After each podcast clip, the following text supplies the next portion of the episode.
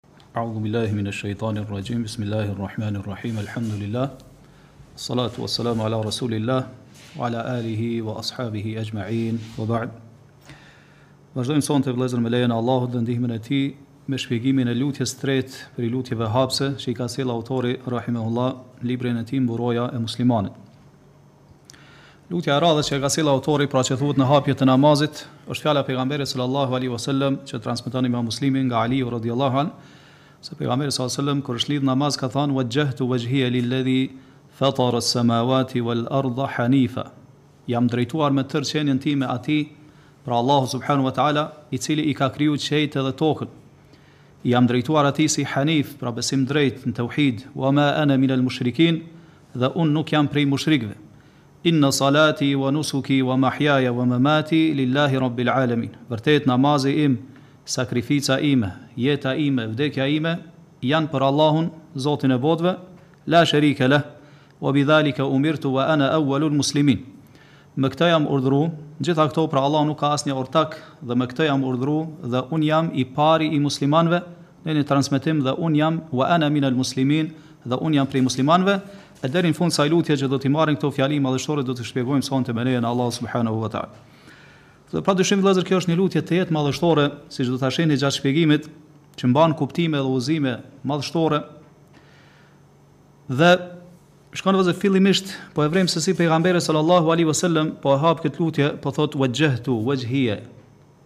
e kam drejtu fytyrën time, do thotë qenien time, drejt Allahut subhanehu ve teala. E kjo vëllezër siç kanë thënë dijetarët e përfshin ihlasin, sinqeritetin, do thotë unë jam drejtu sinqerisht, tërësisht me zemër edhe me gjymtyrë, me mish, me gjymtyrë edhe me shpirt, me zemër Allahut subhanehu ve teala. Pra sinqerisht duke e adhuru atë pa i bërë shirk asgjë. Saqë kanë thënë dijetartë, qëllimi është që zemra ime në këtë rast nuk i kthehet askujt tjetër përveç Allahut subhanahu wa ta'ala në këtë adhurim. Pra ky adhurim që është namazi prej adhurimeve më madhështore, unë me këtë i drejtohem vetëm Allahut subhanahu wa ta'ala. Dhe në tërë këtë jam çka muwahhid, jam njësues i Allahut subhanahu wa ta'ala. Pra kur namazfalësi shikoni kur e hap namazin e tij me këto fjalë madhështore, Wajjahtu wajhiya lilladhi fatara as-samawati wal ard, thotë ai po tregon sinqeritet, zhveshje nga çdo gjë tjetër dhe po i drejtohet Allahut subhanu wa ta'ala, po e veçon Allahun me tauhid, me adhurim, dhe kjo është vëllezër siç quhet në ajete të Kuranit islamul wajh, islam al wajh, do thotë nënshtrimi i qenies njeriut. E hasim këtë vëllezër në shumë ajete. Pra kur njeri është i me tërë qenien e tij, me gjymtyrë, me shpirt dhe zemër vetëm për Allahun subhanahu wa taala dhe për askën tjetër. Allahu thotë: "Wa man yuslim wajhahu ila Allahi wa huwa muhsinun faqad istamsaka bil urwati al wuthqa wa ila Allahi aqibatu al umur." Shikon thotë kushdo që ia dorëzon qenien e tij tërësisht Allahut subhanahu wa taala Duke qenë muhsin, pra bamirës, qëllimi është duke e pasu pejgamberin sallallahu alaihi wasallam, thotë Allahu fe kad istemseke bil urwatil wuthqa. Ky person është kapur për nyjen më të fortë, për vegën më të fortë, ajo e cila kurrë nuk kputet. Wa ila Allahi aqibatul umur, dhe tek Allahu është përfundimi i gjithë çështjeve.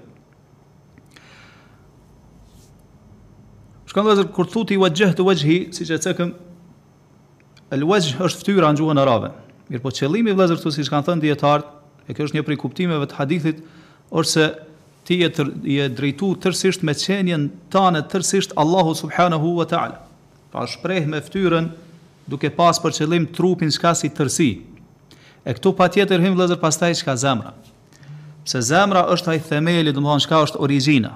Do të thotë kur zemrën e ki të drejtume të kthyme drejt Allahu subhanahu wa taala,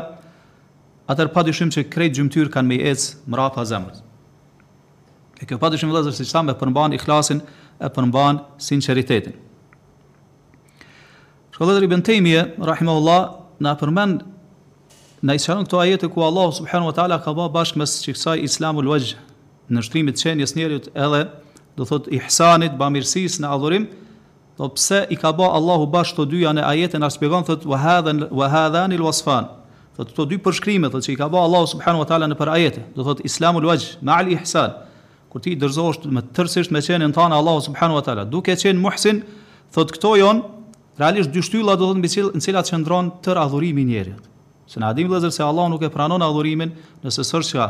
Sinqerisht për Allahun edhe nuk osht sipas sunetit të pejgamberit sallallahu alaihi wasallam. Vëllezër kjo tregon se adhurimet e tua ti duhet me i bë sinqerisht për Allahun, edhe me kanë sawab. Çka është sawab? Do thotë në përputhje me sunetin e pejgamberit sallallahu alaihi wasallam, mësimet që na i ka sjell pejgamberi sallallahu alaihi wasallam. Pra si je i sinqertë në adhurimin ndaj Allahut, në bindjen ndaj Allahut, në pendimin tënd drejt Allahut, në njëjtën kohë çka je muhsin, je bamirës, do të thotë e pason pejgamberin sallallahu alaihi wasallam. Nuk i drejtohesh askujt tjetër përveç Allahut, edhe në anën tjetër nuk e pason kërkon tjetër prej njerëzve përveç pejgamberin sallallahu alaihi wasallam.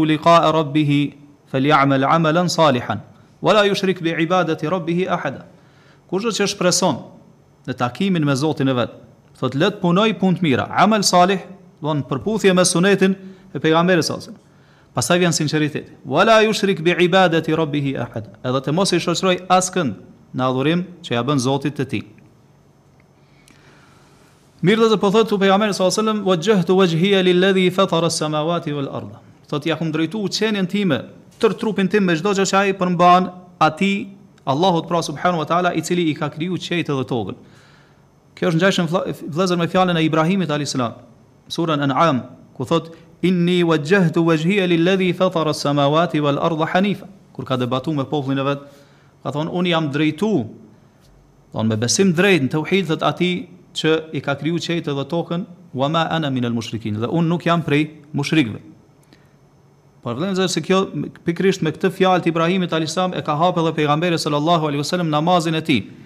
Madje shikoni vëllezër siç transmeton Buhariu dhe Muslimi pikërisht me tauhid na edhe e mbyllim ditën tonë. Me sinqeritet ndaj Allahu subhanahu wa taala e mbyllim ditën tonë siç transmeton Buhariu dhe Muslim nga Bara ibn al-Azib Prej lutjeve të fundit që duhet me i thanë, prej sunetit është pra kur shtrihesh për me fjetë, lutja e fundit, fjala e fundit që e thu me kan çka, Allahume eslemtu nefsi ilejk, wa wajjehtu wajhi ilejk, O Allah, Ty ta kam dorëzu tërësisht çka shpirtin, Ty të jam nënshtru, të jam dorëzu, wa wajjehtu wajhi ilejk, edhe tërësisht me qenien time të jam drejtu Ty. Pra, drejtimi im është ka Ti, O Allah.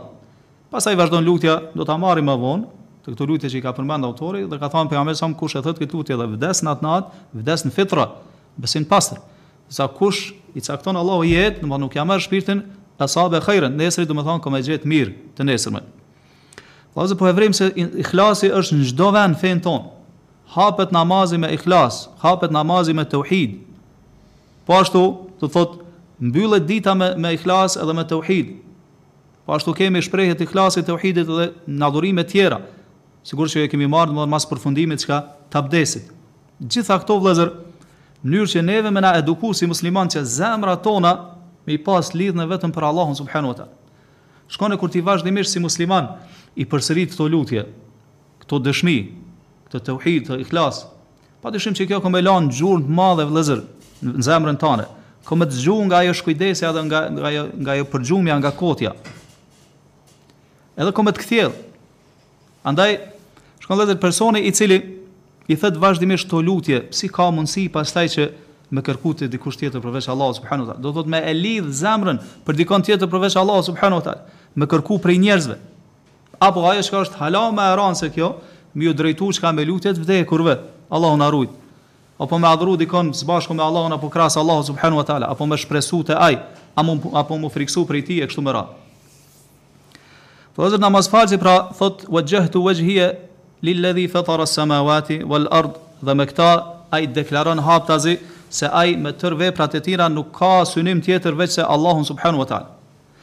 dhe se në zemrën e tij nuk ka asnjë kthim sado i vogël që është drejt dikujt tjetër përveç Allahut subhanahu wa taala. Do të thotë tërësisht t'u kum kthy ty o Allah me tërë qenien time edhe me zemrën time me shpirtin tim.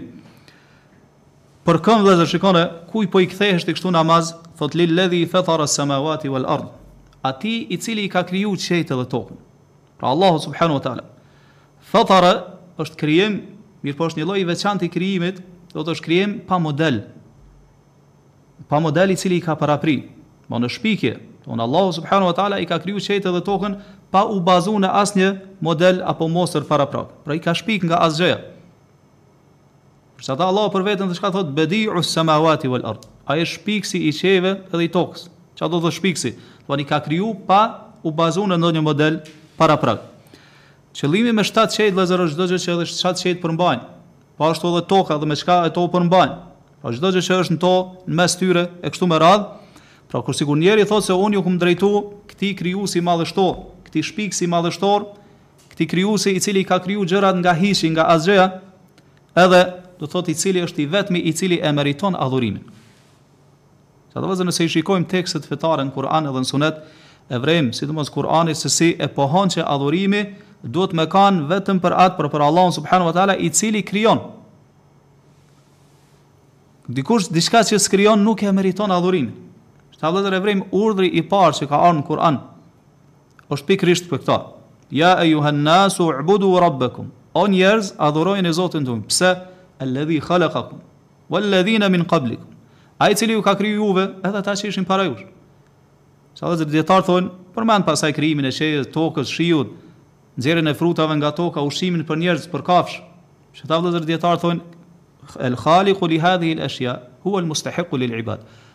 Ai i cili i ka kriju këto gjëra, është i vetmi i cili çka e meriton adhurimin.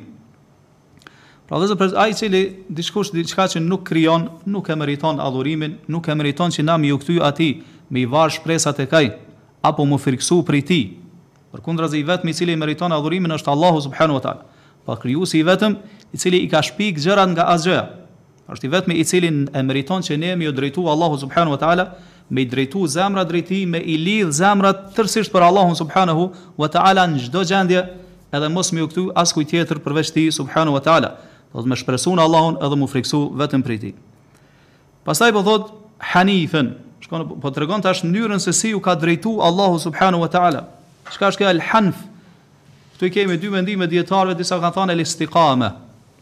Duke qenë stabil i qëndrueshëm në rrugën e Allahut subhanu wa ta'ala.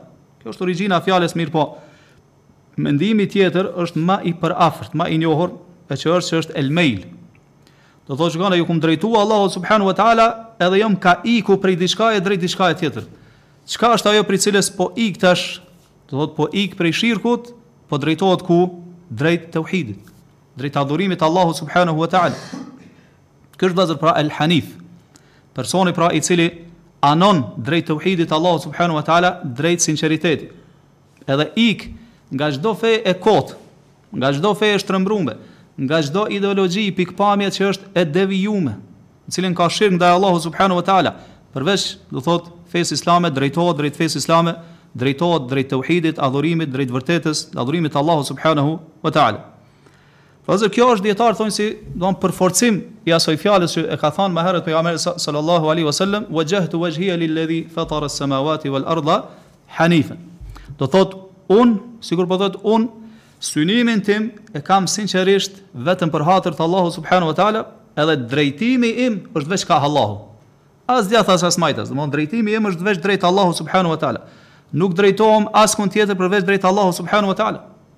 Vetëm synimi im do thotë është Allahu subhanahu wa taala. Shtoja kësaj që në transmetim tjetër te Ibn Hibani ka ardh Hanifen muslimen. Shtesë që është e saktë po ashtu, siç e sakson Sheikh Albani rahimahullah. Hanifen muslimen. Shikoni tash po ik prej shirkut drejt tauhidit, mirë po po, po deklaron se edhe muslim. Çfarë do thotë muslim? Që është istislam. Do thotë ti je musteslim, person që ju ke dorëzuar tërësisht Allahu subhanahu wa taala. ju ke dorëzu bindjes ndaj Allahut subhanahu wa taala, ju ke dorëzu caktimit të Allahut subhanahu wa taala. Qoftë ky caktim do të thotë në aspektin legjislativ, dispozitave, qoftë në aspektin çka të gjykimeve, kadereve të Allahut subhanahu wa taala. Ky është muslimani. Feja islame vëllezër është çka istislam, dorëzim. Ti dorëzohesh tërësisht Allahut subhanahu wa taala. Nuk i kundërshton dispozitat e Allahut subhanahu wa taala. Po ashtu nuk i kundërshton kaderet e Allahut subhanahu wa taala, edhe nëse ato janë të idhëta, edhe nuk të pëlqejnë. Nuk t'i ka ana. Mirëpo çka duhet m'u dorëzu vëllezër, që kjo është realiteti i islamit. Pse njerëzit vëllëzër devijojnë, kur të vrejmë njerëz që fillojnë me hi dyshime, ose në një farë mënyre, në një farë mënyre e vren që çka po rebelohet kah pak ndaj gjykimeve të Allahu subhanahu wa taala, apo kadereve të Allahu subhanahu wa taala, dhe nuk e ka shiju atë nënshtrimin e plotë ndaj Allahu subhanahu wa taala. Pra vëllezër personi i cili rebelohet ndaj Allahu subhanahu wa taala dhe për çdo pyet pse kështu, pse ashtu, pse kështu, pse ashtu e vren, e vren se ky njeri ende nuk e ka shiju do thot atë nënshtrimin, ubudije ndaj Allahu subhanahu wa taala. Nuk e ka realizu. Se vëllezër el ubudije nënshtrimi i vërtetë çka është kur ti je i dorëzum tërësisht ndaj Allahu subhanahu wa taala. Vjen, do thot moment që ty të vjen, do thotë një urdhën prej Allahu subhanahu wa taala të mjafton veç një argument me të ardhë dhe ti menjëherë dorëzohesh. Po. Ndërsa njerëz çka bajnë sot, fillojnë çka thotë jo, unë jam i lirë, po. Unë nuk du m'u kufizu çka me urdra edhe me ndalesa, po. Kush është ai që ta dha këtë liri? Nuk mundesh me kanë i lirë. Pse s'mundesh me kanë i lirë, sepse ti nuk e ke kriju vetveten. Sikur supozoj që na do ta kishim kriju vetveten, atëherë, ndoshta, mirëpo përderisa ki krijues, ai është Allahu subhanahu wa taala, nuk mundesh me kanë i lirë. Allahu thotë, E jahsebu l-insanu en jutrake suda, A mos menon njeriu që kena me e lënë kot? Po dietar thonë pa e urdhnru, pa e ndalu, jo. Allahu nuk krijon gjo kot. Po të ka kriju për një qëllim madhështor që është adhurimi. Kështu që duhet me ditë që nuk ke ardhë në këtë botë kot, edhe nuk bën me çu jetën kot. Ose kështu mendojnë ata kështu pretendojnë. Mundohen me ik prej robrisë për cilën i ka kriju Allahu subhanahu wa taala. Mirëpo çfarë ndodh pastaj? Siç thotë Ibn Kajimi, Harabu min ar-riqqi alladhi khuliqu lah. Mundohen me ikë prej robërisë për të cilën janë kriju, thotë fabulu bi riqqi an-nafsi wash-shejtani. I sprovon Allahu me robëri ndaj vetes edhe ndaj shejtanit. Nuk mundesh me kanë i lirë. Shikoni o vëllezër, thonë nuk po dojna me kanë të kufizuar me urdhra fetare, me ndalesa, me kufizime, njëjtë kohë çka e vren se i bindet çka ligjeve të atij vendi ku jeton. Edhe kjo është lloj robërie. Nuk munet vëllezër njeri me kanë pa ligj, nuk munësh, se Allahu e ka kriju zemrën të tillë që patjetër duhet me ju bind dikujt apo. Ose ke me kështu që është ki me zgjedh, ose ke me kanë rob i Allahut ose rob i shejtanit. Kjo është domethënë zgjedhja që ti domethënë e zgjedh pastaj pasojat e saj i sheh në këtë botë e po ashtu çka është ma e ranë i sheh në ahiret, Allahu na rujt. Vëllezër këta, këta kanë ik prej robërisë ndaj Allahut, janë bërë rob të shejtanit, janë bërë rob të epsheve. Allahu na rujt. Pastaj po thot wa ma ana min al mushrikin, po thot dhe un nuk jam prej mushrikve. Prap konfirmim i asaj që është hanif, vëllazër. Po do po shprehet, po deklarohet qartazi se nuk jam prej mushrikve. Shikoni vëllazër kur themi mushrik, ky term nëse e zgjerojmë paksa, domethonë në mënyrë domethonë kështu më gjithëpërfshirëse i jepet çdo atij që është kafir. Secilit prej jobesimtarëve, pa marrë parasysh a është prej atyre që i adhurojnë idhujt, a është ateist, a është, domethënë, sekularist, a është personi i cili bon është ithtar i librit prej jehudëve apo krishterëve apo është mexhus apo zindik, domthonë personi i cili bën tallet me fenë e Allahut subhanahu wa taala mundohet me shtrembru fenë e Allahut apo është murted që ka dalë prej fesë të Allahut subhanahu wa taala realisht vëllezër nëse dojmë ta zgjerojmë kështu si term krejt këta i përfshin ajo ehlul ishrak Themi që janë ithtar çka të shirkut. Hin domethani përfshin kjo që janë mushrik. Pse vëllazër? Shikone kushdo që adhuron dikon tjetër përveç Allahu subhanahu wa taala, ky njeri ka dal jashtë adhurimit të Allahu subhanahu wa taala. Pa marrë parasysh mënyrën se si ka dal ndaj robrisë të Allahu subhanahu wa taala. A ka dal duke adhuru dikon përveç Allahut si krishterët apo hebrenjtë apo paganët e tjerë apo kushdo qoftë, Apo ka dalë edhe përmes ateizmit. Edhe nëse thotë, shikone, unë nuk e adhuroj kërkon, prapë i themi ti je mushrik. Pse? Kafir? Po se po, po i themi ti je mushrik, pse? Se ai adhuron çka nefsin e vet. Po nefsin e vet, epshet e veta, tekat e veta. Shejtanin i ka bë Zot krahas Allahut subhanahu wa taala dhe ju ka bind atyne. Për atë arsye edhe prej këtij aspekti janë çka mushrik. Vëllezër kjo është si përforcim i asaj që e tha pejgamberi sallallahu alaihi wasallam edhe shikone wa ma ana minel mushrikin po thotë unë nuk jam prej mushrikëve domethanë kjo e përfshin dijetarët thonë edhe shirkun e hapt edhe shirkun e fshehtë shirkun e madh edhe shirkun e vogël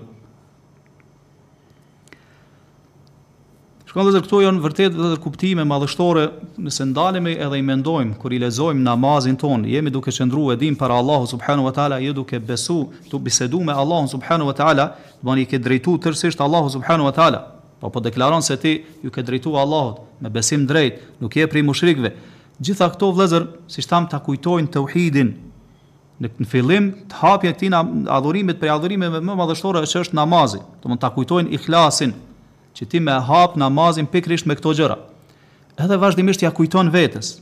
Ja kujton vetes që namazi yt pa marr parasysh a është farz, a është nafile apo çfarë do qoftë, duhet me kanë veç për hir të Allahut subhanahu wa taala. Edhe po ashtu vëllezër, ja kujton vetes siç do ta marrim me vonë që jeta jote, vdekja jote, gjitha duhet me kanë veç për Allahun subhanahu wa taala. Pra ta kujton që ti duhet me jetu në bindje ndaj Allahut, në adhurim ndaj Allahut, në tauhid, në nënshtrim, në dorëzim ndaj Allahut subhanahu wa taala, me ju përmbajt kësajna edhe me vdek në atë rrugë, derisa Allahu subhanahu wa taala ta merr shpirtin. Edhe deklaron hapta se ti je muslim, do thotë çka je i dorëzuar ndaj Allahu subhanahu wa taala me gjymtyrët e tua e para kësaj domethonë me zemrën tënde. Domethonë zemrën e ki dorëzuar e po ashtu i ki edhe gjymtyrët, domethonë nuk e kundërshton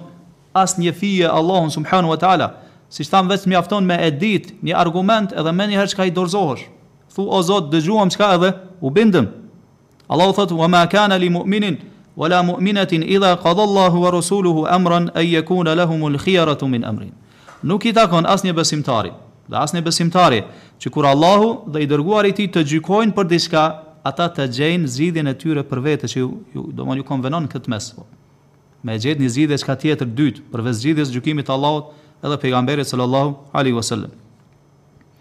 Vëllazër kështu pra ja kujton vetes gjitha këto kuptime, ja kupton, ja kujton vetes sinqeritetin, ja kujton vetes sinqeritetin, në mënyrë që m'u ru vëllazër nga rijaja, nga syfaqësia.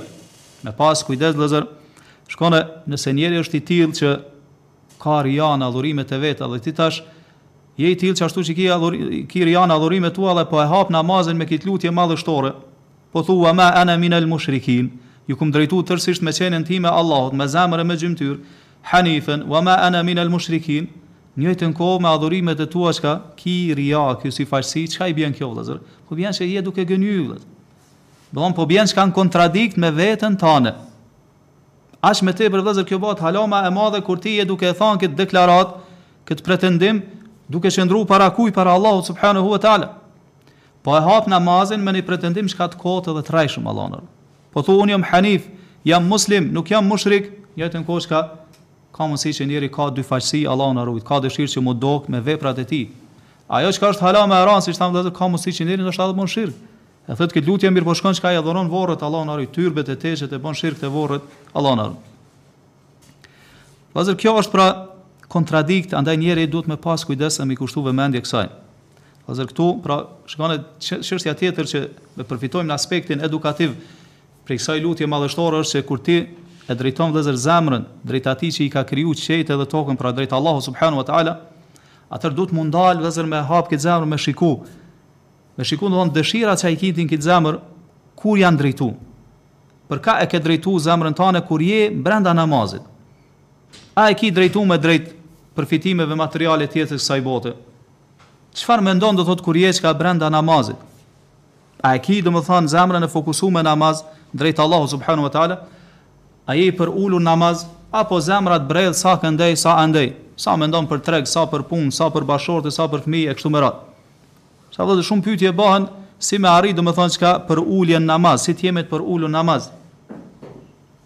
Kjo është vëllezër kjo. Dhe duhet me pas fillimisht çka zemrën drejtu me drejtë Allahu subhanu wa ta'ala. Shih njëri prej selefit kur e ka pa një njeri në namaz duke lviz shumë me gjymtyrët e tij. Ka thonë, lau khasha'a kalbu hadha, le khasha'at xhevarihuhu. Ka thënë shikoni këta, ka thënë sikur ky ta kishte zemrën e përulur në namaz edhe gjymtyrët do t'i kishte të tilla. Mirëpo zemrën nuk e ka të pranishme andaj bën çka gjeste që duket sikur mos me kanë fare çka në namaz.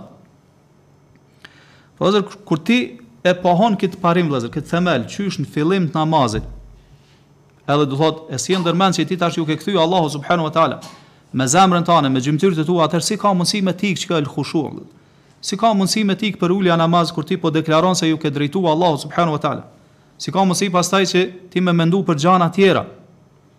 Vëllezër njeri duhet mu turpru seriosisht prej Allahut subhanu wa ta'ala, kur ti e hap namazin me këtë lutje madhështore, pastaj çka zemrën e len me të bredh nëpër lugina, domethënë sa andej e sa këndej. Vëllezër duhet me pas kujdes pra zemra kah po anon, po apo anon kah të mirat materiale të kësaj bote, apo anon kah epshet, apo ju ke kthy Allahu subhanu wa ta'ala si çka fatiru samawati wal ard, i cili është krijuesi i qiejve edhe i tokës. Andaj vëllezër nuk është e përshtashme që namazin tand me e hap domethan me kësi pretendimi, domethan jo të vërtet, ose domethan të rrejshëm, Edhe s'ke me këta me arrit pastaj kurrgjë tjetër përveç çka zemrimit edhe hidhërimit të Allahut subhanu wa ta'ala, apo ajo çka është ma e randë Allahu na ruajtë, domethanë Allahu mos me ta pranu fare atë namaz. Për shkak se nuk je i sinqert në atë pretendim që je duke e ba. Mirë vëllezër kur mundesh ti me arrit, domethanë këta që me kanë tërësisht i kthym, me tërë qenjen tande drejt Allahu subhanu wa ta'ala, kur e nxjerr nga zemra jote çdo gjë tjetër përveç Allahu subhanahu wa taala. Qoftë brenda namazit, qoftë na, jashtë namazit. Se kjo është është domethënë aspekt më i gjanë, nuk ka të bëjë vetëm me namaz. Po ka të bëjë edhe me të gjitha gjendjet e muslimanit, domethënë me të cilat ai përballet në jetën e vet. Mirëpo, hajde po themi se ti s'po mundesh gjatë përditshmërisë me kanë çka tërësisht i kthym prej Allahut, atëherë mundohu që kur je duke biseduar me Allahun subhanehu. Mos e angazho zemrën çka me diçka tjetër.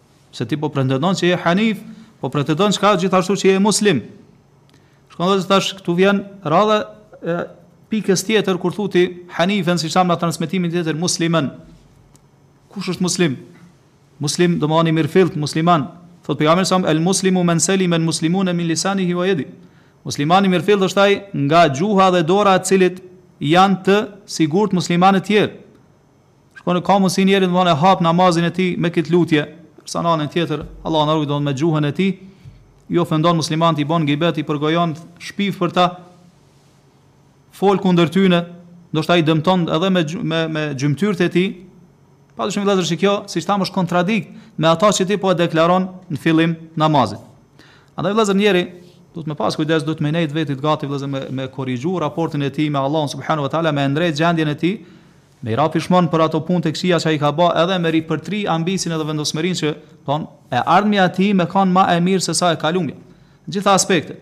Në aspektin e dijes, në aspektin e mirësive, në aspektin e kryerjes së punëve të mira e kështu me radhë. Shikoni çka po thotë në fund pejgamberi sa wa ma ana min al mushrikin dhe un nuk jam prej mushrikëve. Prap konfirmim pas konfirmimit.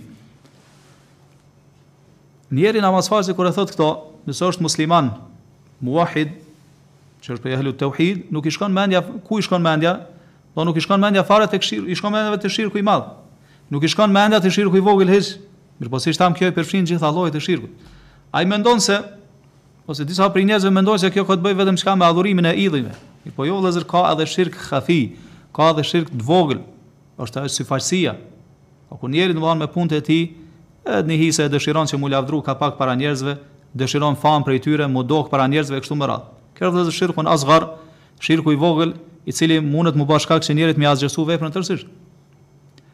Edhe ka thënë pejgamberi sallallahu alajhi wasallam që më shumë u frikon për umetin tim nga ky shirk, më shumë se sa çka dexhalli.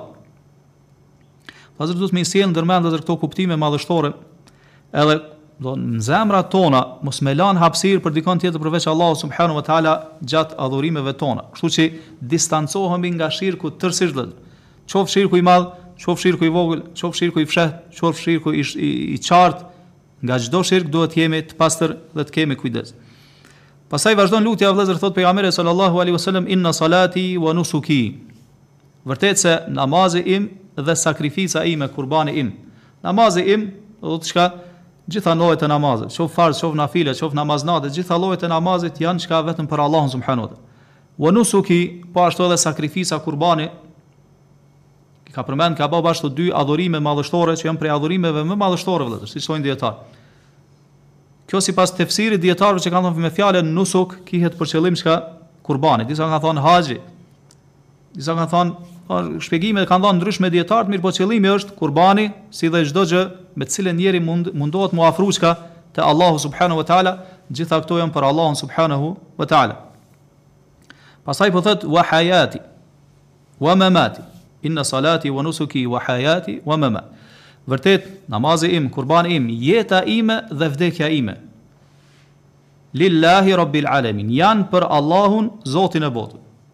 Prap sinqeritet vëllezër, shikoni mbi sinqeritet, ihlas mbi ihlas. Jan vetëm për Allahun Zotun e botëve. Ktu i kemi vëllezër te jeta dhe te vdekja dy interpretime t'dietarëve. Qysh janë për Allahun? Kan thënë, kuptimi i parë vëllezër është që jetën time edhe vdekjen time e posedon kush vetëm Allahu subhanahu wa taala. Pra, prej aspektit që Allahu është çka krijuesi i jetës, edhe është krijuesi i vdekjes. Dhe askush tjetër nuk mundet çka me dhënë jetë, edhe apo me ta marrë jetën përveç Allahu subhanahu wa taala. Allah thotë Alladhi khalaqa al-mauta wal-hayat. Surën Tabarak, Al-Mulk. Allah është ai i cili ka kriju çka vdekjen edhe jetën. Pra Allahu çka veçohet me këta? Vetëm Allahu dhe askush tjetër. Është prej kuptimeve të rububies, pra askush vëllazër nuk munet çka me dhan jetë apo me marr jetën përveç Allahut subhanahu wa taala. Pra nëse Allahu dëshiron Me e mbajt gjallë ni person, ni gjallezë edhe nëse krejt njerzia bahen bashkë, bashkëpunojnë mes vete, bajnë plane, që atë njeri me e mbyt, apo me ja marr jetën nuk munet vëllezër. Përderisa Allahu dëshiron që ai çka me mbet gjallë. Ngjashëm edhe me vdekjen vëllezër. Krejt nëse bahen bashkë do thotë me u mundu me e mbyt ni njeri, me ia shkaktu vdekjen nuk kanë mundësi nëse Allahu dëshiron çka me e mbajt me me e ngjall atë njeri apo me e shpëtu nga vdekja nuk mundën vëllezër nëse Allahu dëshiron çka me ia marr shpirtin atij personi. Vëllezër krejt vdesin. Domethon se Allahu është ai i cili e krijon vdekjen, Allahu është ai i cili pastaj gjykon se kush ka me vdek. I jep urdhën se kush domethon ka me vdek, ku ka me zbrit vdekja. Ku ka me shku meleku i vdekjes me ia marr shpirtin. Dhe vëllezër krejt vdesin. Pa marrë parasysh njeri a është i pasën. Pa marrë parasysh a është i varfën, pa marrë parasysh a është i ri, a është i vjetër, a është mjek. A nëse është, domethan, e ka at stafin ma të mirë, ma të avancu mjekësor, që kujdesen për to 24 orë, prapë se prapë s'munet me i pështu vdekjes. Se ky është realiteti vëllezër, është realitet i hidhur, mirëpo njeri çka tregohet i shkujdesur edhe mendon që domethënë ka me jetu gjatë edhe nuk e sjell ndërmend. Andaj vëllezër, nuk është qëllimi na çka këto vetëm me i lexu, siç thamë ose me me me shtjellu këto, me ditë si informata, mirëpo vëllezër ne duhet, domethanë me marr mësim. Kur thu jeta ime edhe vdekja ime janë në dorë të Allahut subhanahu wa taala, çka përfiton ti si musliman prej kësaj?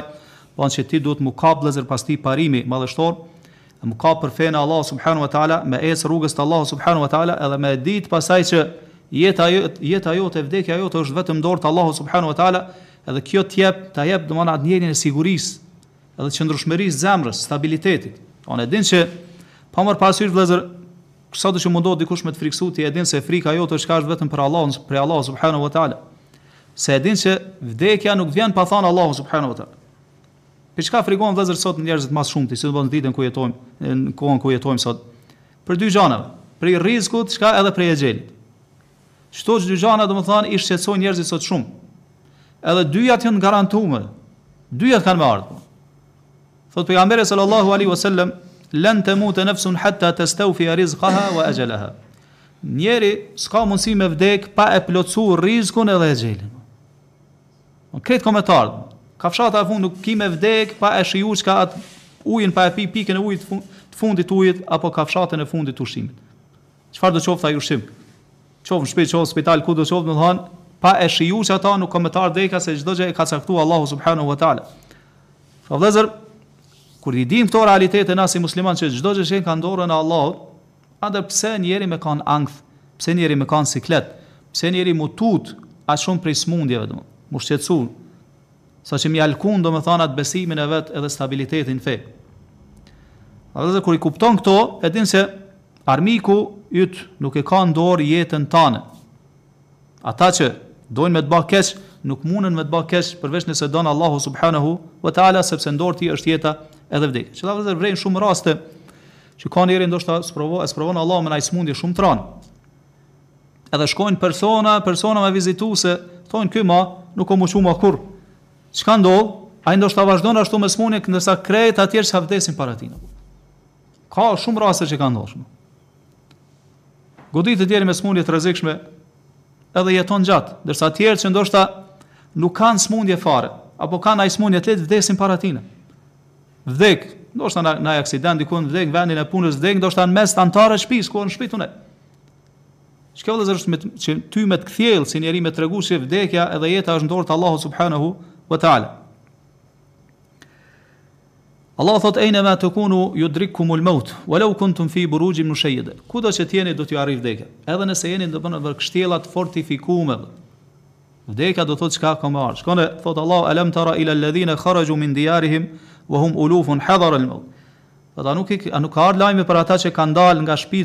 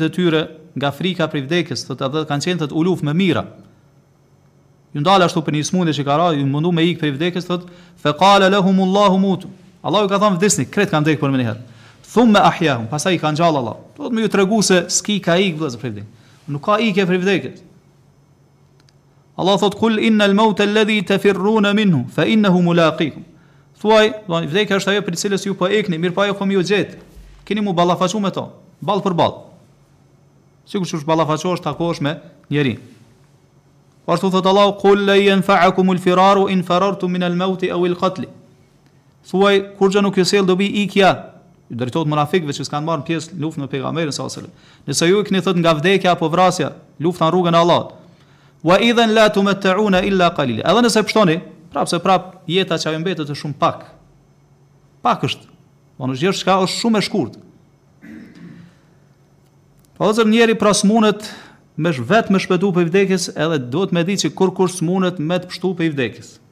Andaj përderisa është kshtu, çka duhet me ba na si muslimanë, duhet me lidhë zemrën për Allahun subhanahu wa ta'ala. Interpretimi i dytë vëllezër që kanë thanë dijetarët, mahjaja wa memati lillahi rabbil alemin, jeta ime dhe vdekja ime janë për Allahun, kanë thanë që Domethanë jeta ime thon është vetëm për Allahun subhanahu wa taala, ja kushtoj vetëm Allahut subhanahu wa taala. Bindjet e mia, gjitha gjendjet e mia. Çdo gjendje ime në jetën e kësaj bote, prej fillimit e deri në fund, çdo gjë që e bëj, e bëj vetëm për Allahun subhanahu wa taala. E po ashtu çka edhe vdekja ime. Është për Allahun subhanahu wa taala. Ky është domethënë synimi im çka në jetën time. E jo vëllazër siç veprojnë, domethanë kjo e dallon besimtarin e mirëfillt prej tjerëve. Domethanë që jetën e kanë çka? Ata që adhurojnë dikon tjetër përveç Allahut subhanahu wa taala, apo që s'adhurojnë kurrgjë, siç thamë janë ateist, për çka jetojnë ata njerëz? Jetojnë sikur kafsha domethanë. Jetojnë domethënë çka me i mbush ato tekat, dëshirat, epshet e veta. Me i shfry. Edhe domethanë jetën edhe vdekjen e kanë të lidhur për to. Kështu që ka pasur prej tyne që domethënë kur ka dashur me dek, shiqoni edhe. Domethanë ka dashur me dek me një farë mënyre që ajo deka e tij me kanë me kanë kështu shumë e famshme. Që një, me, me pa njerëzit domethanë se si ky ka vdek apo çfarë do të qoftë çka ka bë duke u marrë në rrezik apo. Shiqoni nuk ka domthon sinqeritet Allah na rujt as gjatë vdekjes. Po. Shiqoni se si e dallon kjo besimtarin prej jo besimtarit, prej atij që beson në Allah e atij që nuk beson në Allah. Po besimtari këtë jetën e ka për Allah, edhe vdekjen e ka si synim me pas veç për Allah, me pas sinqeritet, ikhlas.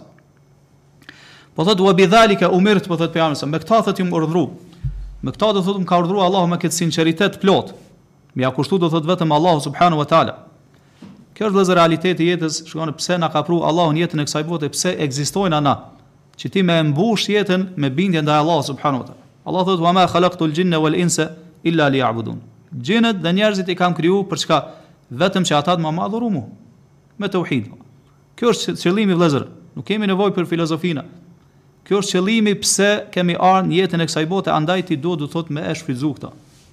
Disa dietar kanë thënë se mundet me kanë këtu edhe një kuptim tjetër, kanë thënë se qëllimi im nga jeta dhe vdekja është që kjo me kanë gjana që e kënaqin Allahun subhanahu wa taala, edhe më afrojnë te Allahu subhanahu wa taala. Siç patëm pa përafërsisht vëllezër dhe kjo është e ngjashme me ato të parën, po kur njeri musliman është në këtë gjendje, padyshim që ka me kanë në gradë të lartë devotshmërisë, të istikames, qëndrueshmërisë, stabilitetit, bindjes, sinqeritetit ndaj Allahut subhanu wa ta'ala. Ka me kanë person që ka me mbush jetën për hir të Allahut subhanu wa ta'ala, ka me u largu, ka me u zhvesh prej atyre dëshirave të veta, domethanë ngushta, edhe ka me u drejtu, domethanë vetëm drejt Allahut, ka me u dorëzu Allahut, ka me ik prej riazit, syfaqësisë e kështu me radhë.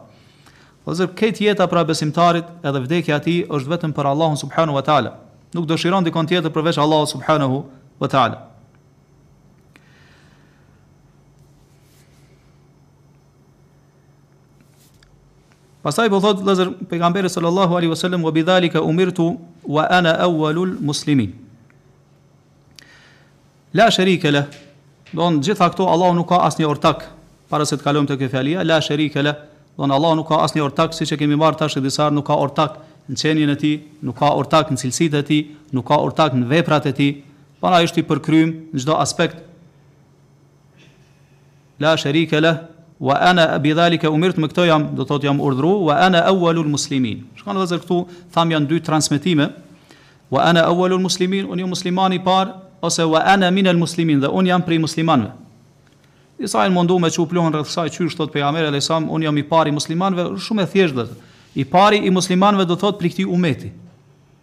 me fenë që e ka sjellë Allahu subhanahu wa taala çka nëpërmjet tij.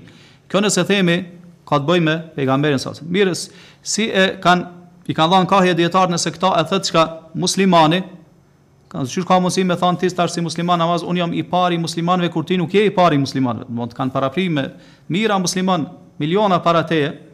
Ka thënë qëllimi vëllazër është që kjo është Nuk është qëllimi që ti je i pari prej gjithve mirë, po qëllimi është që ti nxiton shpejt me kanë i dorzum edhe i nënshtrum ndaj Allahut subhanahu wa taala.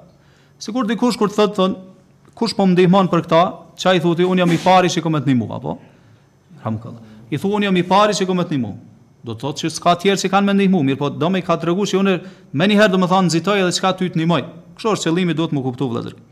Pastaj vazhdon lutja, thotë pejgamberi sallallahu alaihi wasallam, Allahumma anta al-maliku la ilaha illa anta, anta rabbi wa ana abduk. O Allah, ti je sunduesi, ti je mbreti, nuk ka të adhuruar të vërtet përveç teje, ti je Zoti im dhe un jam robi yt. Allahumma anta al-malik, shikoni tash kjo pjesë e kësaj lutje vëllezër çka thana, është lavdim për Allahun subhanahu wa taala. Po e lavdron Allahun subhanahu wa taala. O Allah do thotë ti je mbreti, ti je sunduesi real. Po edhe nëse njerëzit posedojnë, edhe nëse njerëzit kanë mbretëri, ajo është vëllezër është e mangët. Edhe është relative. Po sundimi absolut i përket kujna vetëm Allahut subhanahu wa taala. Pse vëllezër se sundimi i njerëzve, pushteti i njerëzve nuk ka qenë. Po i ka parapri, i ka parapri mosekzistenca. Pastaj çka? Në fund e pason zhdukja. Shtoja kësaj që mes këtyre dy pikave çka ka, mangësi të shumta. Po njeriu nuk mundet vetvetiu me e mbajt çka pushtetin, pa pas çka për shembull mbreti ushtarë, pa pas ministra, pa pas ndihmës. Ndërsa Allahut, domethënë i përket sundimi absolut, edhe sundimi real. Pra vëllezër, sundimi, pushteti i njerit është i mangët prej këtij aspekti. Allahu tregon vëllezër në Kur'an se ja jep sundimin e tij, pushtetin e tij kujt do.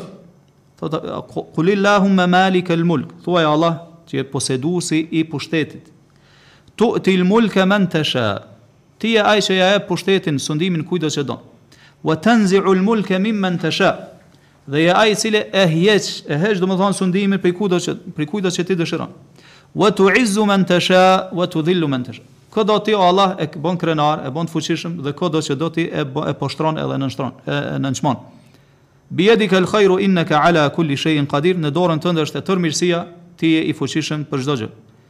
Kjo vëllezër nuk ka nevojë për shpjegim, domethënë e vrejmë kushdo që e shfleton historinë e njerëzimit e sheh se si Allahu subhanahu wa taala dikon e ka hjek, dikon çka e ka vendos n'pushtet e kështu me radhë. Pra vëllezër, Allahu është El Melik, është mbreti, është sundusi i kësaj bote, posedusi i kësaj bote, edhe sundusi edhe mbreti i botës tjetër, edhe po thotë la ilaha illa ant, domethënë është El Ma'budu wahdahu bil haq, i vetmi i cili meriton të adhurohet, i vetmi i adhuruar i vërtet, pastaj, Prap po deklaron pejgamberi sallallahu alejhi we sellem, po na mëson si me thanë ente rabbi, ti o Allah, me gjitha këto sifate, cilësi, ti je Zoti im. Ti je Zoti im, do të thotë ti je poseduesi im, ti je zotria im, ti je kujdestari im, ti je ai i cili kujdesesh për mua vazhdimisht me begatitë e tua. qofshin të dukshme, qofshin domethënë të fshehta. Ti je ai i cili i rregullon çështjet e mia. Askush tjetër nuk mundet me i rregullu çështjet e mia përveç teje, o Allah. Prandaj vëllezër njeri nuk mundet mu pavarësu kurrë prej Allahut subhanahu wa taala. S'mundesh. Pse se Allahu është ai i cili i rregullon edhe i drejton çështjet e universit. Pa më parasysh sa je i zgjuar, pa më parasysh domethënë çfarë fuqie ki, nuk mundesh ti me e rregullu çështjen tënde. Pse se ti nuk e din të fshehtën. Nuk e din çka të sjell e ardhmja. E nesërmja, ça të fsheh për ty? Tha vëllazër, njeri nuk e din domethën ku e ka, ku e ka mirë, ku e ka keq. Ose nëse e bën një veprim, nuk mundet me thënë 100% se kjo është ka me kanë mirë për ty. Sa e sa mirësi domethën njeri e ka përpara, ndoshta edhe urren. Pse se mendon që është keq, realisht ajo çka është hajër për to. Si thotë Allahu wa asa an takrahu shay'an wa huwa khairun. Ndoshta ju urreni diçka e është çka më e mirë për juve.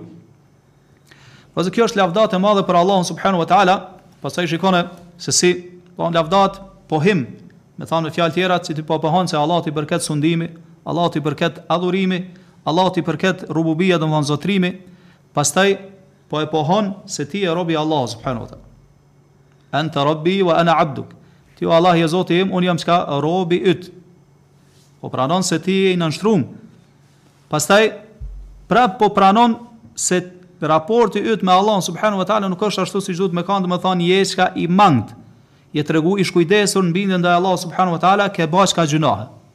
Pra robi këtu po i pranon gjitha këto, po pranon se është i shkujdesur thot dhalamtu nafsi. I kam ba padrejtësi vetes time. Ti je Zoti im, un jam robi yt, dhalamtu nafsi. I kam ba padrejtësi çka vetes time. Secili prej neve vëllezër kemi çka shkujdesje të mëdhaja. Kemi domethënë mangësi të mëdhaja. Mirpo dikush i din, dikush nuk i din apo ndoshta domethënë s'don me i dit. Bëhet kinse s'po i din. Pra ka mangësi të shumta në raport me Allahun subhanahu wa taala, ndërsa jeton në iluzione, mendon se është njeri i çka i përkrym. Ka shkujdesje të mëdhaja, domethanë, në farzet e Allahut subhanu wa ta'ala, ndërsa mendon çka që ka me i arritë gradat më të nalta të xhenetit. Ky njeri është duke jetu çka në iluzion, vëllezër, është mashtrim. Këta vëllezër, kur i thu për shambull dikuj, Allahu të udhëzoftë, e vren çka që hidhërohet, ndoshta edhe zemërohet. Pse se ai mendon, sipas tij se nuk ka nevoj, sepse e ka arrit, domethënë atë, është njeri i përkrym, është njeri çka perfekt. Vëllezër, secili prej neve ka nevojë çka mu plotësu, mu këshillu, edhe ka nevojë për udhëzimin e Allahut subhanahu wa taala. Pse ky njeri vëllezër nuk e sheh veten si të mangët, se vazhdimisht i sheh ata të tjerë që janë nën to. Në vend që me shikuar domethënë në aspektin fetar ata që janë më mirë se ai, qoftë në aspektin e dijes, qoftë në aspektin e devotshmërisë, frikës prej Allahut, asketizmit, Adhurime. I shikon ata që janë nën të. Thot lëre se çka shikon gjendjen e tij thot mirë, po paska hala çka ma keq se unë. E kjo kur e shikon në këtë mënyrë, këto na ka ndalu pejgamberi. Po ka thënë n'çashtjet e ahiretit me shikuar ata që janë mbi juve. Në çashtjet e dunjas me shikuar ata që janë nën juve. Se kështu nuk i përbuz të mirat e Allahu subhanahu wa taala, ndërsa kur i shikon ata që janë më mirë se ti në çashtjet e ahiretit, atëherë çka kjo të nxit që ti mu përmirësu. Ndërsa nëse i shikon ata që janë ma ultë se ti në çashtjet e fesë, atëherë padyshim që kjo gradualisht ka me të tërhjekë secën herë më poshtë e ma poshtë. Deri sa të arrish atje në skëter, në fund, Allahu na ruaj. Pastaj po thot wa ataraftu bi dhanbi. Shikoni vllazën. Dhalamtu nafsi. Thot i kum ba padrejtësi vetes time wa ataraftu bi dhanbi. Edhe unë o Allah po e pranoj gjynahin Po pranoj se kum ba çka gjynah. Edhe zalemtu nefsi shikoni vëllezër thot i kum ba padrejtësi vetes time pse se njeri realisht kur bën gjynah a mundesh me e dëmtu dikon tjetër përveç vetes tande jo thon ti nuk mundesh me i ba dëm Allahut subhanu wa taala kërkujt tjetër përveç çka vetes tande kjo dami i kësaj ka me tu kthy ty edhe po e pranon do thot se i ke ba gjynah Allahut subhanu wa taala po i pranon këto krime këto gjynahe mosbindje ndaj Allahut subhanu wa taala shikoni po e lavdëron Allahun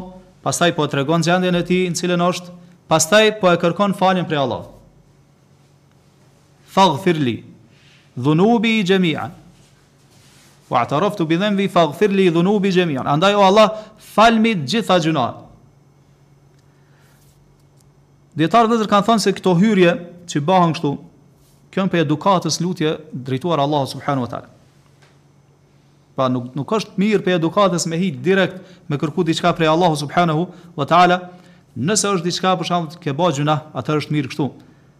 Çdo lutje fillimisht do të thotë me me lavdru Allahun, me çu salavate, pastaj çka me e shfaq atë gjendjen tande, nevojën tande që e ki të madhe për Allahun subhanehu ve teala.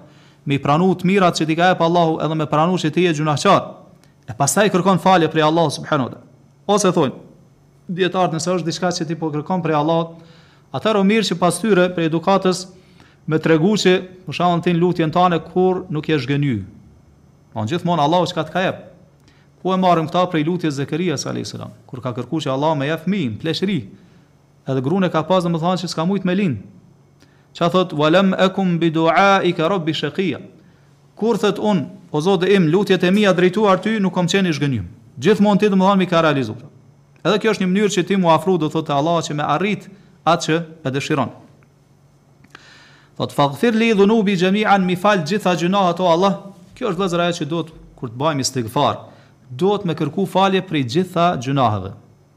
Se ki nevojë domethënë mu pastru prej të gjitha gjynaheve. Edhe kjo realisht është obligim, siç thonë dijetarët sipas unanimitetit të dijetarëve, muslimani e ka obligim mu pendu prej të gjitha gjynaheve, të parat edhe të mramët. Dhe mos me vonu pendimin, sepse pastaj vetë vonimi është gjynah në veti, për të cilin ti duhet çka? Mu pendu. E çka el maghfira, e kemi përmend më herët vëllazër kjo i përfshin dy gjana, e para është es-sitr, e dyta është el-wiqaje. Kur po e lut Allahun me të jep maghfirat, Falje, na e përkthejmë shqip falje, mirëpo qëllimi është mbulim. Edhe mbrojtje. Do thot, po e lut Allahun që me ti mbulu këto gjynahe, do thot mos me të ba hor me to n'kët botë edhe mos me të ba hor që është më rëndë çka n'ahiret me të dënu Allahu na rujt. Se kur dënohet innaka man tudkhilin nar faqad akhzayta Allahu na thot. Allah vërtet, kështu luten besimtarët, këdo që ti Allah e fut n'zjarr e ke e ke poshtru atë. Okej, të marrin vesh se je duke u dënu Allahun. Ku ka poshtrim do thot më të madh se ky.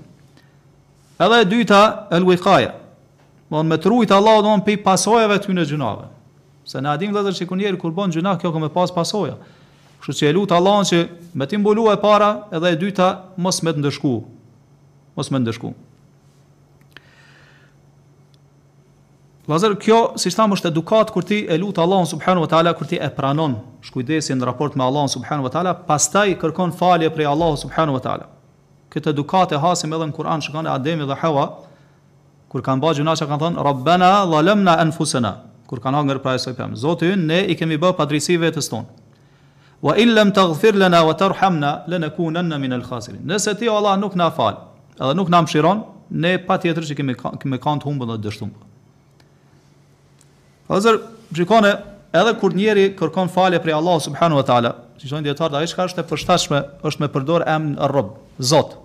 Pse vëllezër, thonë se falja, jepja, ndëshkimi apo mos ndëshkimi, zbritja e mëshirës, gjitha këto janë prej kuptimeve çka të rububije, zotërimit të Allahut subhanahu wa taala, kështu që kërkohen prej Allahut me emrin çka Ar-Rabb, që është Zoti edhe që thonë shumica e lutjeve të pejgamberëve, nëse i hasim i vërejmë në Kur'an është me Rabbena.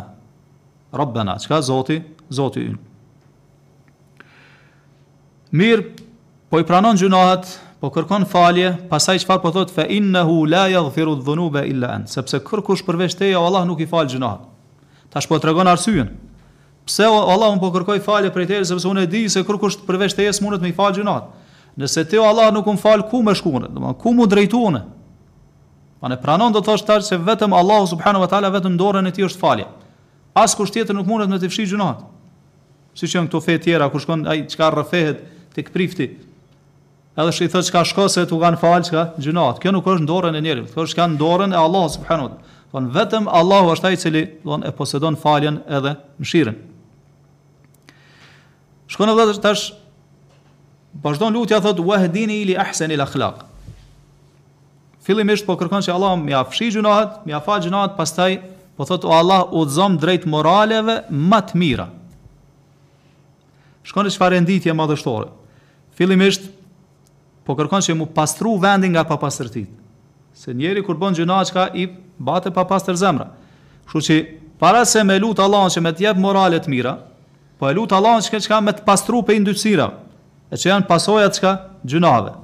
Fillimisht duhet me pas pastrim, pastaj duhet me pas çka mbushje vëllezër. Zbrazje e mbushje. Kështu duhet të jetë. Ky është ai procesi asaj që quhet e tezkije. Tezkijetu nefs pastrimi çka i shpirtit. Nuk mundet me kanë ndryshe vëllezër. Duhet me pastru zemrën, pastaj çka me Me e mbush. Sikur njeri kur don me mbjell diçka në tokë, nuk mundesh me mbjell në çfarëdo lloj toke, sidomos në ka therra, ka shkurre, ka rrajë të ndryshme bimë që ndoshta ta dëmtojnë atë farën që ti po don me mbjell, duhet me i pastru një herë ato. E pastaj me e me e ba tokën e mirë, domthon që është e pranon, pastaj me e mbjell, pastaj çka me me ujit.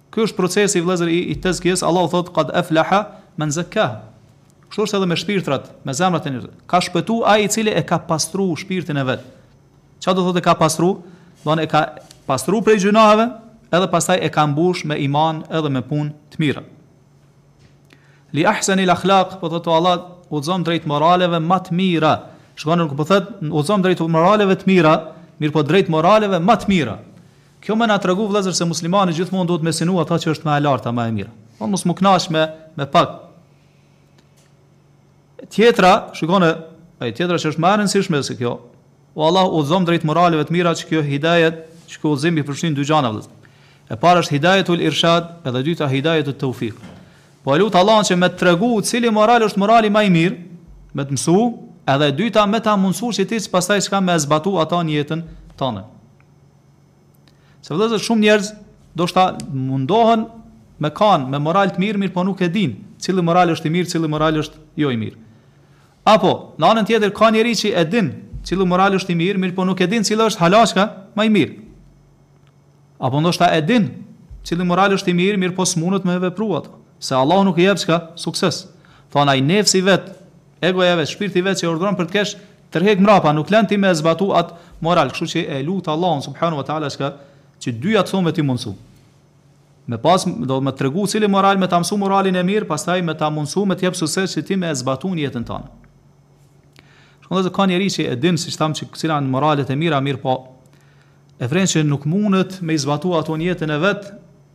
Një prej arsyeve është shejtani, nefsi, një prej arsyeve tjera vëllezër është se i bën llogaritje të keq, do të thotë mendon që nëse tregon moral të mirë para të tjerëve, kjo është dobësi.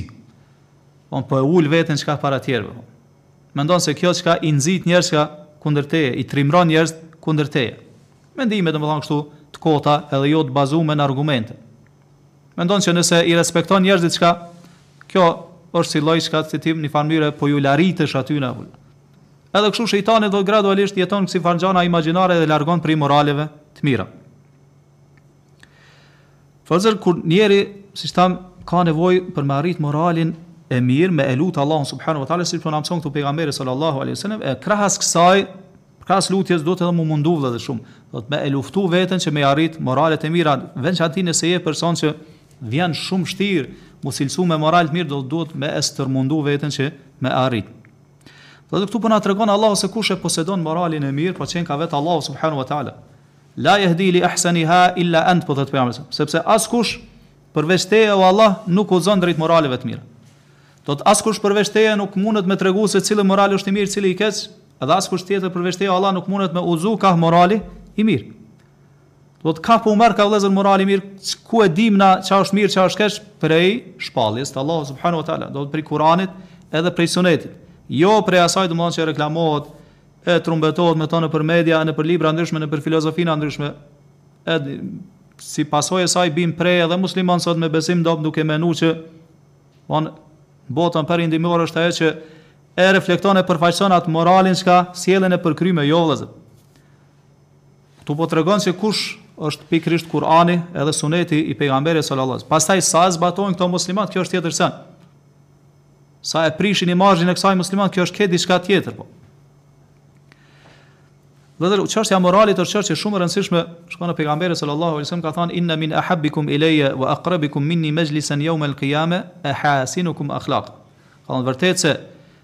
Prej njerëzve që ma s'shumti unë i du edhe që do të jenë më së afërti me mu në ditën e Kijametit janë ata me moralin ma të mirë.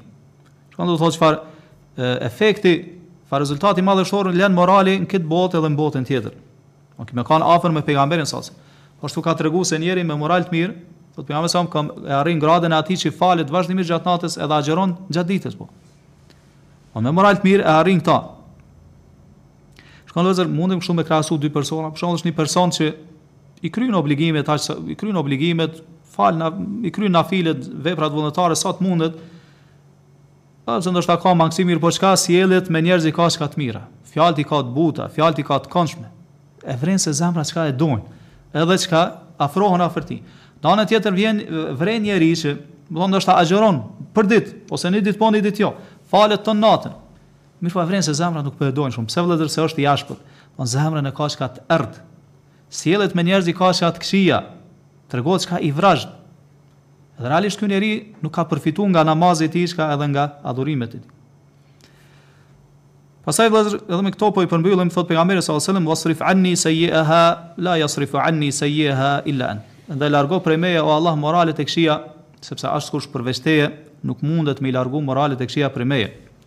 Vëzër, kjo na tregon se sa i rrezikshëm është morali i keq. Se si po lut Allahun pejgamberi sallallahu alajhi wasallam që me e largu skajshmërisht nga moralet edhe sjelljet e këqija. Dhe kjo na tregon se është çka e met. Edhe është marre turp që njeri me pas çka moral. Moral të keq, andaj duhet me e lut Allahun subhanahu wa taala që me të hjek me të pështu prej moralit të keq. Përndryshe vëllezër nëse njeri ja ljan ja liron frenat vetes vet edhe e lën që me ecë pas epsheve, pas tekave t'veta, padyshim siç thamë se gradualisht ka me shku te poshtë e te poshtë derisa të arrijë atje ku do thotë nuk është mirë me arrit, Allahu na ruaj. Pastaj thot lebejke wa sa'dejk. Shikone po i thot Allahut lebejke wa sa'dejk. Lebejke, na e përkthejmë kështu të përgjigjem Allah, qëllimi është të përgjigjem Allah do të thotë unë jam i gatshëm, jam në shërbimin tond, edhe jam i qëndrueshëm stabil në urdhrat e tu në bindje ndaj teje o Allah.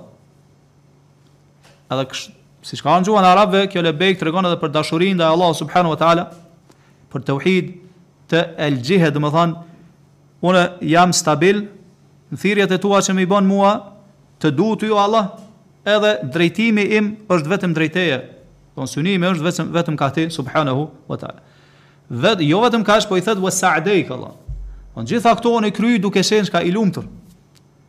Do nuk um vin rond çka, po ka njeri i kryen kaherë veprat e mira, mirë po çka e vren se është një far e kap një far lloj monotonie, mërzi e menzi i kryen sikur më pas një barrë t'rond në supe. Jo, kjo vetë do sa'dejk. I kry këto me plot lumturi edhe me gëzim, domethënë çka me zemër të hapun për ty, o Allah. Pastaj shikone vëllezër, far edukate, duhet me tregu me Allahun subhanu wa ta'ala, thot, wal khajru kullu hu fi jedej, e tërë mirësia është në durt e tua, o Allah, wa shërru lejse ilejk, ndërsa e keqja nuk të përket ty. E tërë mirësia është në durët e tua Allah, ndërsa e keqja nuk të përket ty, pse, se Allahut vëllezër duhet me i atribu ato përsosmëritë, të mirat edhe mirësitë, ndërsa të këqijat nuk i atribuohen Allahut subhanehu ve teala.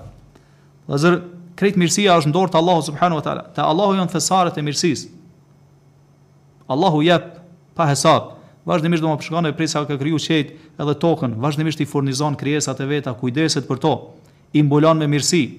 Ky është Allahu subhanahu wa taala që është që Ar-Razzaq, që është gjithë furnizuesi.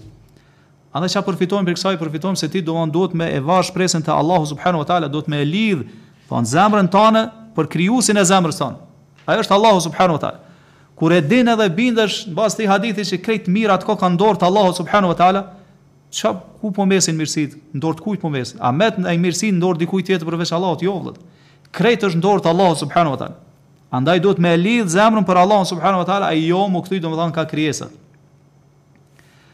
Shikoni vllezër kur njeri e thotë siç thamë këtë lutje, edhe realisht lutjen e hapjes namazit e dëshmon këta, dëshmon thotë krejt të mirat janë n'dorën tane o Allah, mirëpo realisht zemrën e ka të lidhun çka për krijesat. është tërsisht me qenjen e tij i kthym kah krijesat. Siç thamë ky njeri vllezër çka është kontradiktor, Edhe fill namazin po e hap me diçka kontradiktore.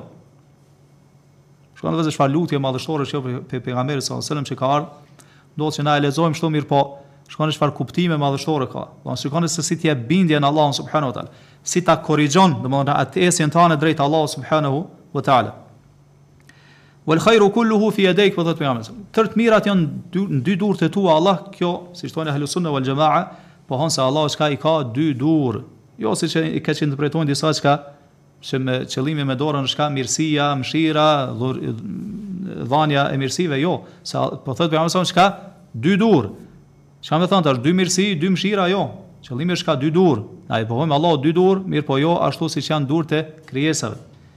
realitetin e tyre mënyrën se si janë e di kush vetëm Allahu subhanehu ve teala po ashtu ajeti ku Allahu i thotë iblisit kur e qorton pse nuk i ka ra në sexhde çka Ademit alayhis salam thotë lima khalaqtu bi yadai pse nuk i re në sexhde atij që e kam kriju çka me dy durët e mia me dy durët e mia kjo është argument i fortë që Allahu çka i ka dy durë Edhe me këta dallohet krijimi i Ademit alejselam ndaj krijesave të tjera.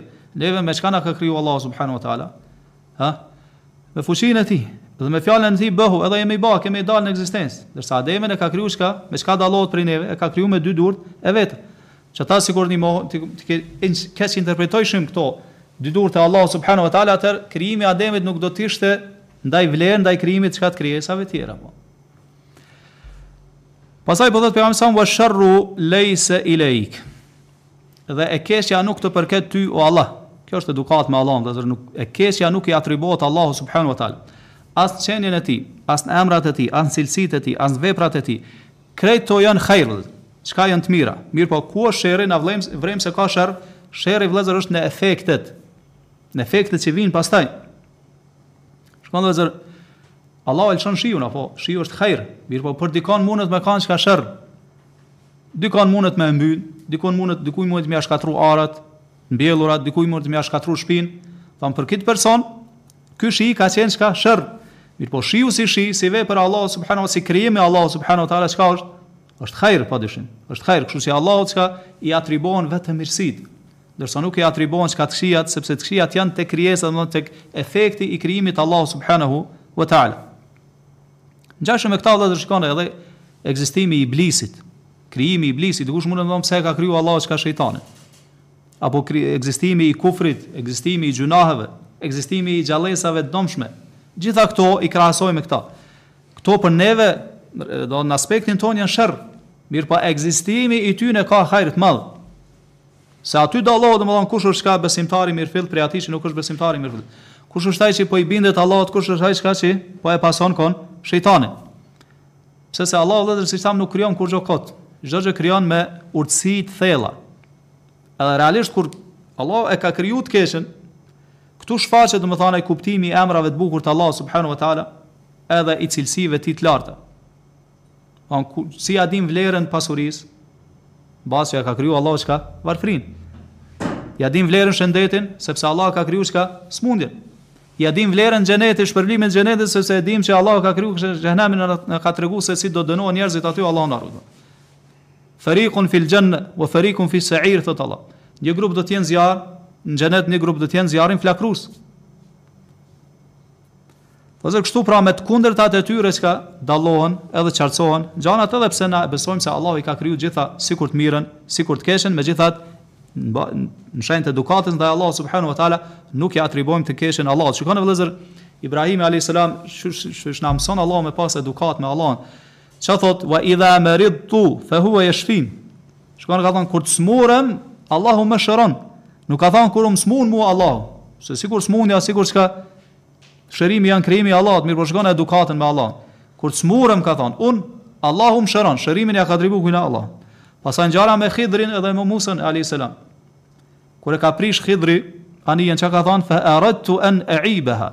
Unë dashta me bë anijen çka me tmeta, që mos me marr çka ai mbret. Ja ka atribu çka vetes vet atë dëmtimin e anijes. Ndërsa ngjarja e atyne dy djelmoshave që janë kanë jetim, që e ka ndreq atë murin që u kanë ai thesari poshtë tina, që ja u ka rujt Allahu domethënë për shkak babes vet që u kanë burrë i mirë,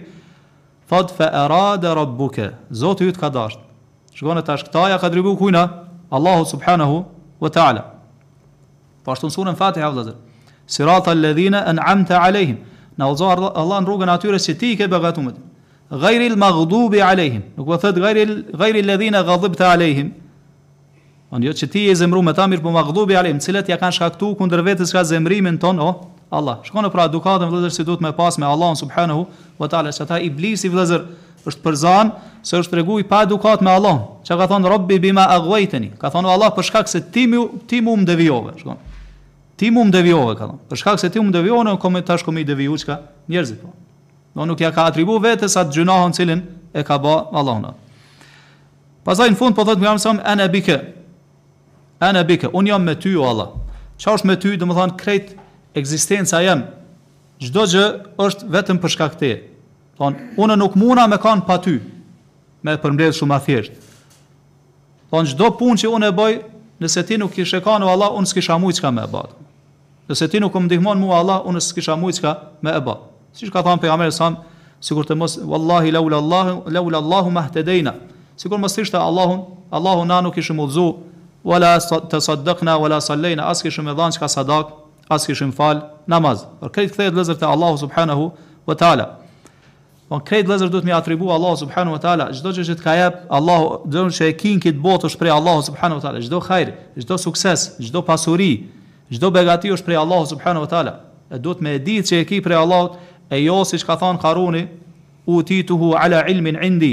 Kto m'i ka jep Allahu për shkak çka aftësive të mia apo pse ai e ka ditë se unë çka e meritoj një gjë të tillë, pra. Është treguar çka arrogant edhe mendjemadh. Ka mendu se njeri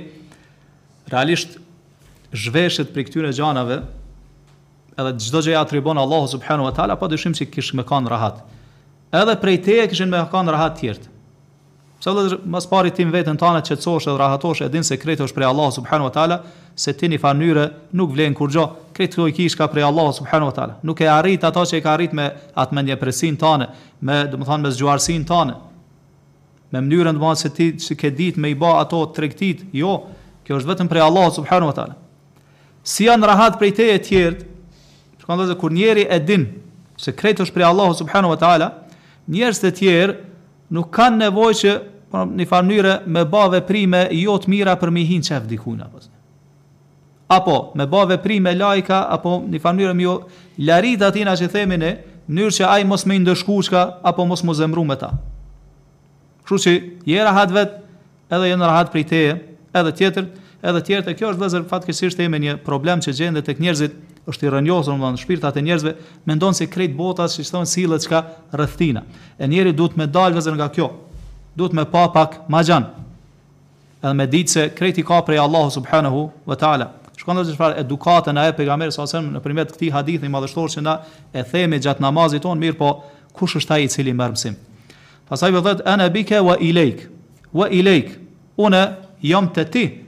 Me ty edhe te ti o Allah, çfarë do thotë kjo? Domthon kthimi im është te ti o Allah. Unë strehohna te ti, te ti pendohem. Kthimi im është sikur në këtë botë, domthon gjatë vdekjes e po ashtu edhe në ahiret, është te Allahu subhanehu wa ta'ala, domethënë ti më ke kriju mu Allah, ti më ke dhanë mu, ti më ke jep sukses, e kështu me radhë.